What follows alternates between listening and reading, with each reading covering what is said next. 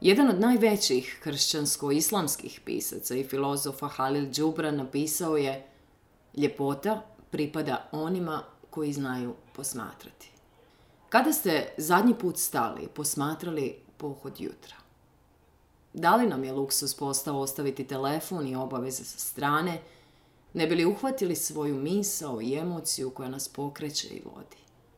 U ovom izdanju feminističkog podcasta Riječ na F razgovaramo sa neuropsihijatricom i jedinom psihoanalitičarkom u Bosni i Hercegovini, doktoricom Majom Dobranić-Posavec.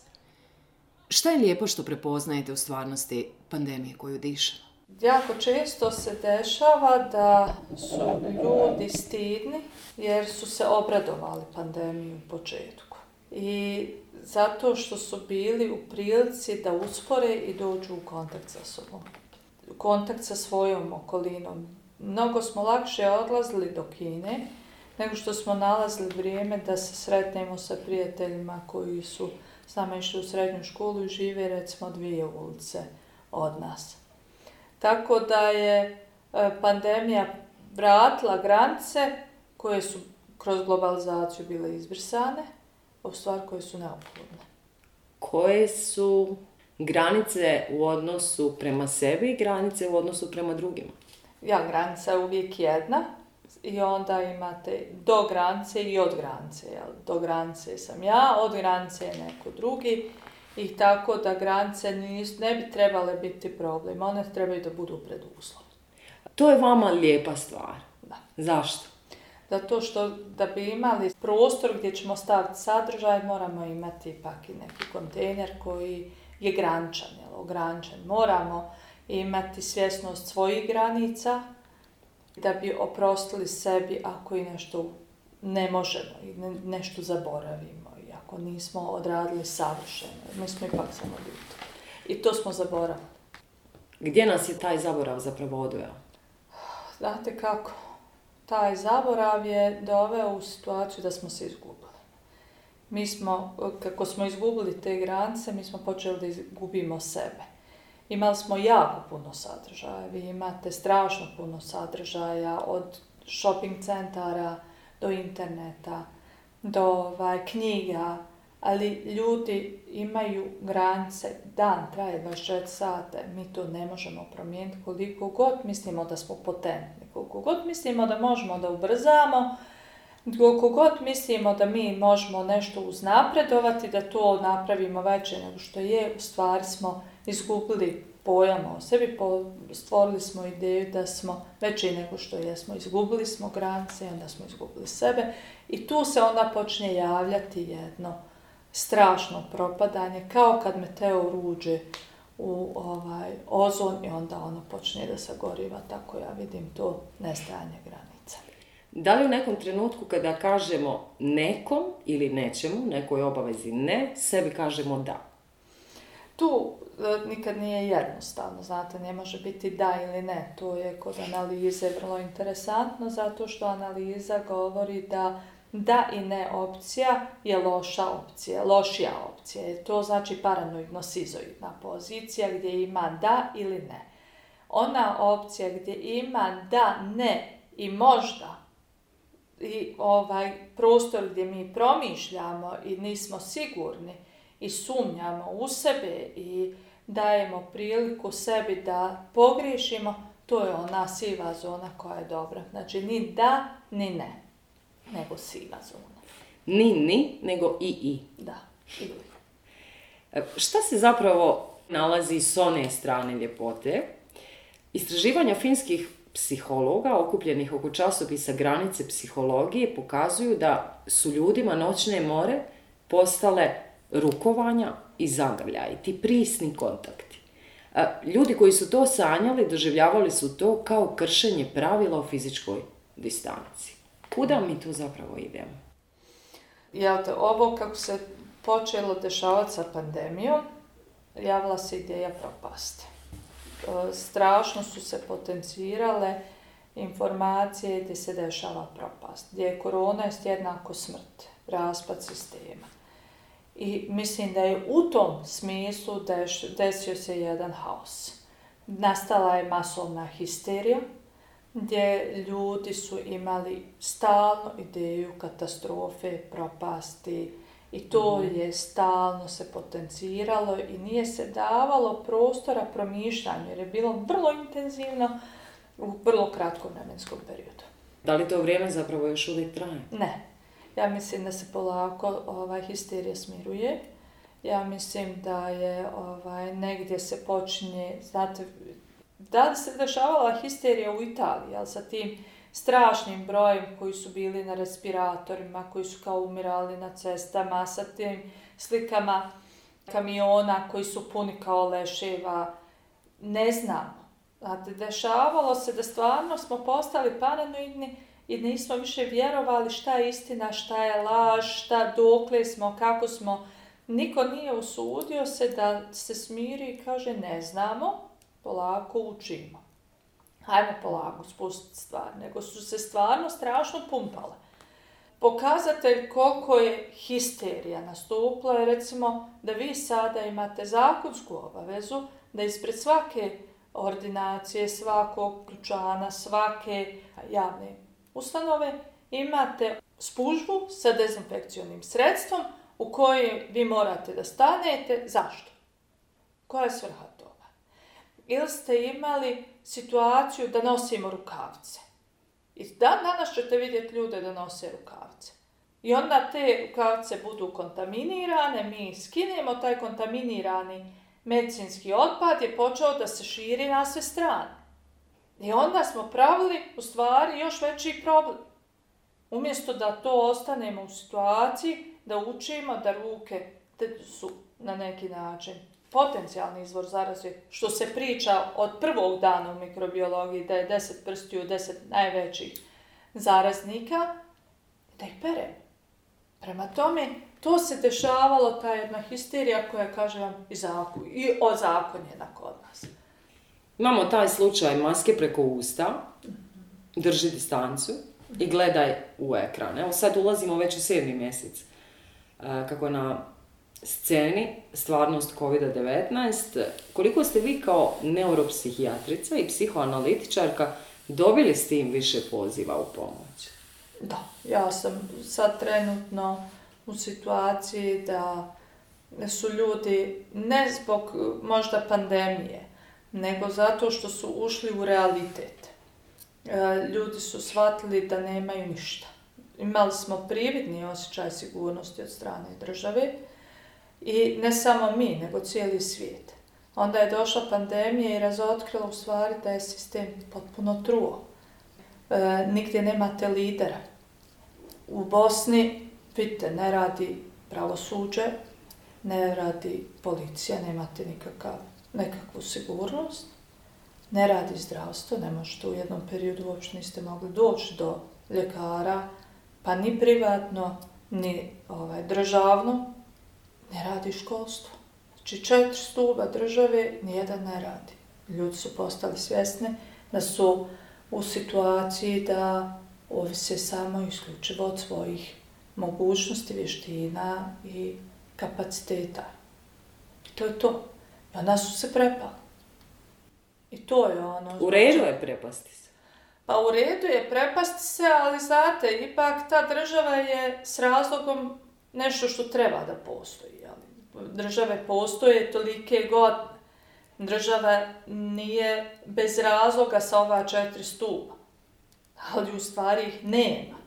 Ljudi su bili u jednoj situaciji gdje ne znaju šta dalje raditi, kako raditi i onda su se počeli da javljaju, tu su nalazili neki prostor gdje će se sabrati i da odluče gdje će dalje.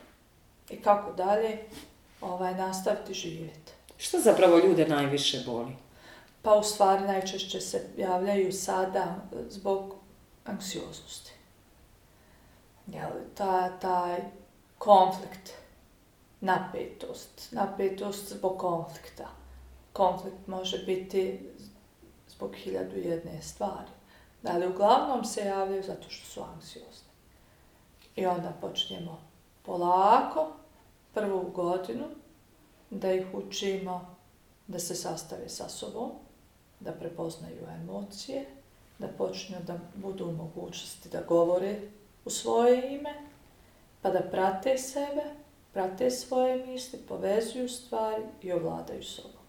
Moja prijateljica koja je nastavnica u jednoj osnovnoj školi, e, razgovarajući o tome kako mora non stop e, držati masku u učionici, rekla jednu rečenicu koja mi dalje nekako zvoni.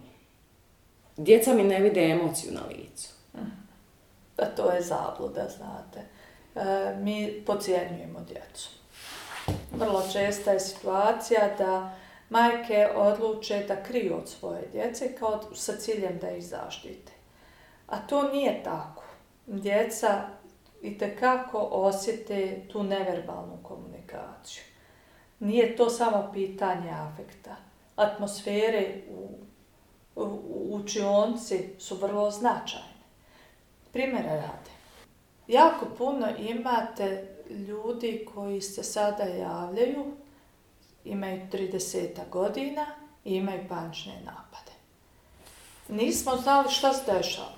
Kad pogledate njihovu anamnezu, tu ništa posebno se ne dešava u poročnoj namci da bi se dešavali ti strahovi i takve, da ih preljevaju u do paničnih napada. Ne bi se uspostavilo da su oni početkom rata imali jednu, dvije, tri godine. Naše društvo naravno smatra da su ta djeca bila zaštićena. Nisi bio na ratištu, nisi znao što se dešava, šta te fali, ti si prošao neokrežno. Upravo suprotno. Ta djeca su osjetili tu ubojitu majku, okolinsku majku, koja je bila nemilosrdna. I njima se strah utjera u kosti. Njihovi strahovi su stvarno duboko, duboko ukorijenjeni, jer ih niko nije mogao ubijediti u to vrijeme kada su oni trebali da stvore ideju bezbrižnosti i nekog ideje da će stvar se dobro odviti, da ima neka svjetla budućnost oni to nisu primili u to vrijeme kad su trebali da prime i on sa 30 godina imaju pančne napade, oni imaju te strahove, oni ne vjeruju u svijetlu budućnost. Prema tome, djeca i takako osjete. Duboke su radne traume koje nosimo. Ako ih djeca sa tri godine na taj način osjete, kako ih osjetimo mi, kako se manifestiraju u svemu ovome? Oh, to da vam kažem, to je jedno ogromno polje. To je jedno jako teško polje. Recimo, ja sam član grupe Sofija, to je peer grupa. Grupa sastavljena od analitičara iz država koje su nastale raspadom bivše Jugoslavije. Nas pet je iz tri psihoanalitička društva. I šta je bio povod? Mi kad smo završili tu svoju edukaciju, trebali smo doći u ordinaciju, u ordinaciju trebali smo raditi sa ljudima i onda smo postali svjesni da ne možemo raditi sami. Jer su vrlo česte bile traume. I vi kad radite sa traumom, ona je toliko zakukuljena, ona je toliko igra podmuko jer udara i na vašu traumu. Hoćete li moći vidjeti? Hoćete li biti u stanju da je podnesete retraumatizaciju svoje traume? Hoćete li biti u stanju da ne povrijedite pacijenta? Hoćete li stvoriti uslov gdje on počne govoriti o svojoj traumi? A kad počne da govori o svojoj traumi, onda on počne da pati i da boli a to je jedini put za izlječenje, da počne da govori, a sve mu govori da prestane da govori jer, jer, je previše bolno. I onda je to nešto što je, ne znam, ne znam, ne definisati. Nešto što prenosimo svaki dan u vlastiti život. ne, u vlastiti život mi to, poznat, je termin transgeneracijske traume, i nije baš da ljudi nisu bili motivirani da to riješe i da na neki način nađu modele kako se nositi s tim. Govorimo jeli, o jevrejima koji su, mislim, Freud je bio jevrej. I jako su investirani u to da bi u stvari nosili se sa svojom traumom. Jel se nosi? Pa ne baš. Moram priznati, moj prvi susret sa psihoanalizom došao je preko Erike Jong i knjige Strah od letenja. E, ženska književnost i glas dugo potiskivan, barem što se tiče otvorene priče o seksualnosti, tjelesnosti, ali i ženskom letu, da tako kažem, svijet požuda i strasti. S druge strane, edukacija iz psihoanalize traje 13 godina. Vi ste završili medicinski fakultet i specijalizirali ste se i ostali u području psihoanalize. E, dobila sam informaciju da je psihoanaliza prije svega aktivno slušanje.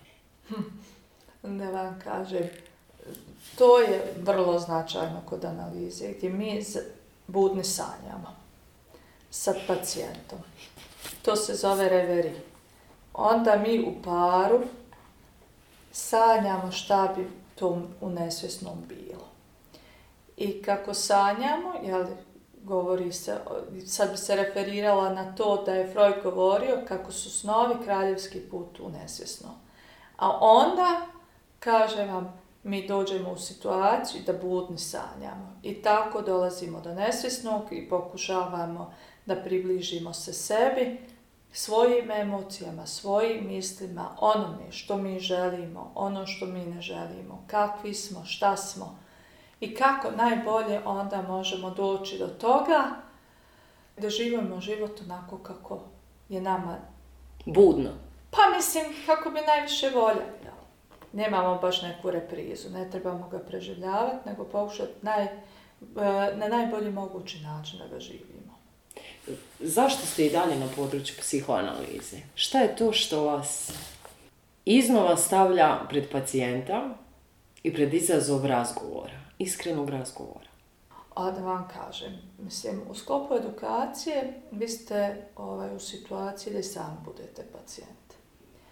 I ja duboko vjerujem u efekte e, psihoanalize i to šta je ona uradila za mene je na neki način me dovela u situaciju da osjećam duh, da što više ostanem i da priliku i drugima da osjete to što sam ja osjetila. Tako da ovaj, sam odlučila da se što više posvetim psihoanalizi, psihoterapiji, psihoanaličkoj psihoterapiji, jer ne mogu svi ljudi baš dolaziti tri puta sedmično, to psihoanaliza zahtjeva. Zahtjeva tri puta sedmično, pri tome izličenje nakon šest godina.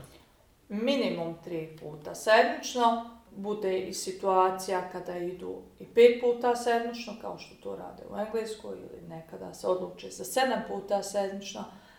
Pri tome, on, mala digresija, ljudi misle ako češće dolaze da su bolesni.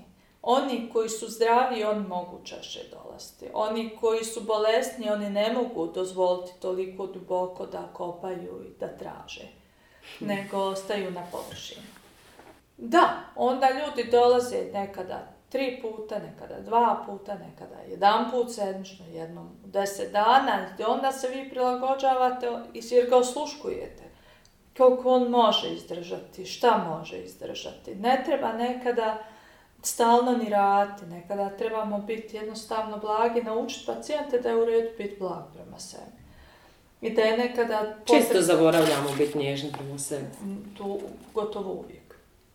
Koje su posljedice takvog odnosa teškog, strogog ili onog koji nam i nameće ovo sve vrijeme. Imate toliko vremena od tada. do obaviti to, u školu po dijete i imate onda za žene pogotovo ručak napraviti.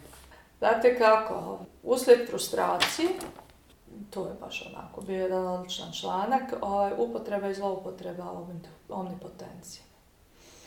I on kaže da uslijed frustracije mi se odmičemo od ljubavi i počnijemo idealizirati moć.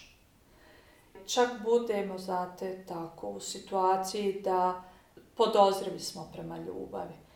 Smatramo da je to slabost. Ali zato kad je neko zao, kad je neko osvetoljubiv, kad je neko zlopantilo, kad je neko brzu u reakcijama, burnih reakcija, nepredvidivih reakcija. Mi imamo čak određeno poštovanje.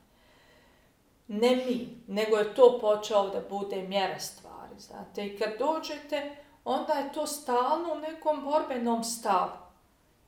Koliko ću ja sada za sebe, gdje sam ja tu, a gdje si ti, to je ta pozicija. Da, ne. Da. Modus preživljavanja. Da.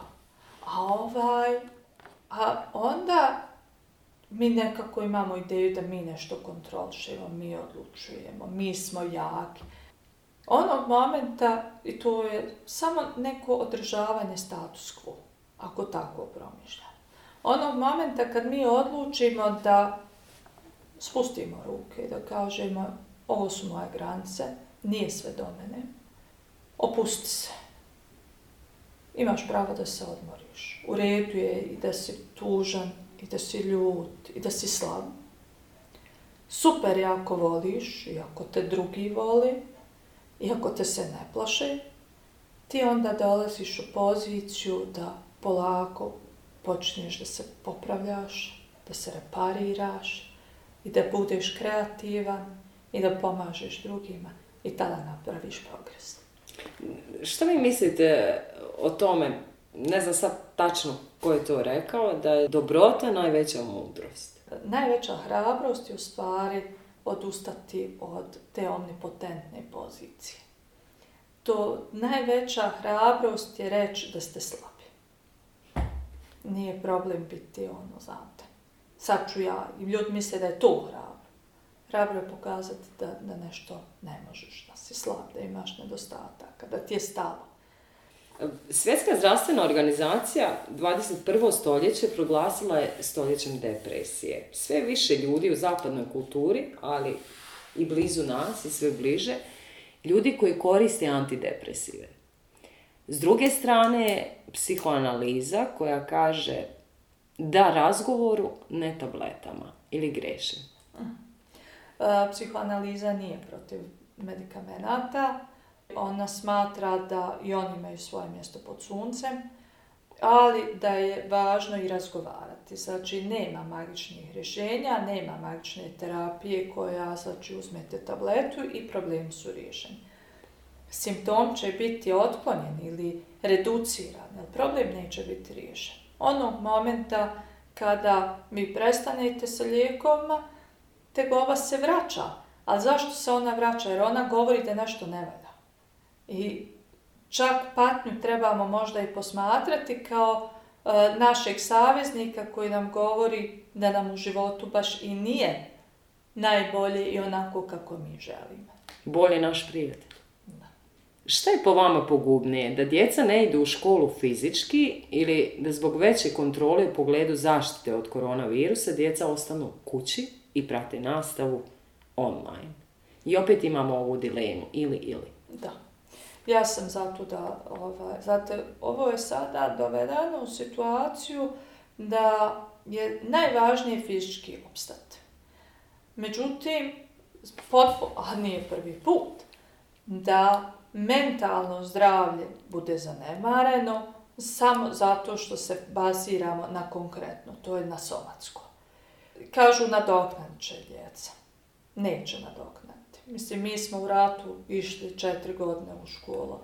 Ali je bila situacija takva da niste mogli nadoknati. Ne možete nadoknati ono što, što zahtjeva određenu postepenost, proces, vrijeme, strpljenje. Ne, ne može se desiti magija ni, ni po tom pitanju i mislim da je vrlo važno da djecu idu u školu. E, kakav je vaš odnos sa hladnim ekranima i prostorom? Non stop gledam u telefon. Ja sam prepadnuta s tim, jer odnosi su ti koji u stvari čine kvalitetu života. Opet ću se vratiti na onaj period kada se desilo zatvaranje u vrijeme pandemije. Jedini kapital koji smo imali su u stvari odnosi. I ako ste imali s kim da podijelite, vama je bilo dobro.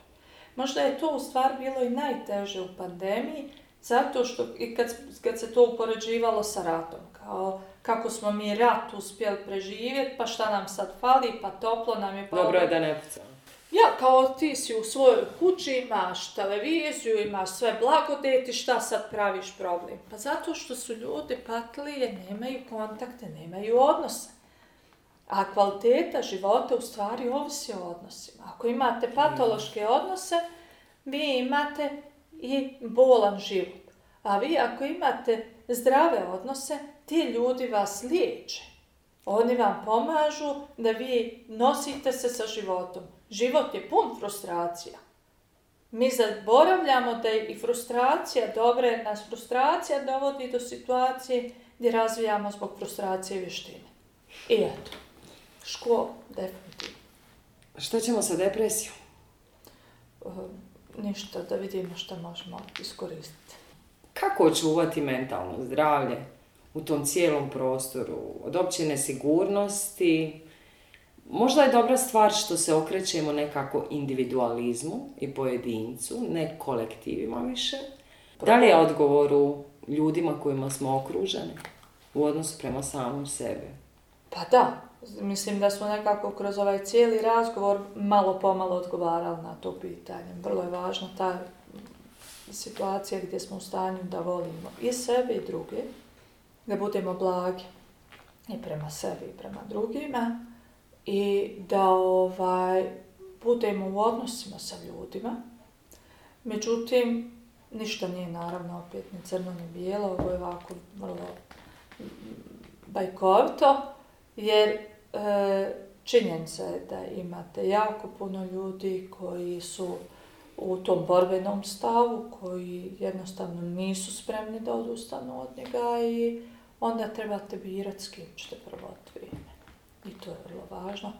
Vratiti se opet na one granice i reći ko smije proći kroz tu granicu, a treba da se udalji što više od vas ili vi od jel, da bi zaštitili svoje mentalno zdravlje.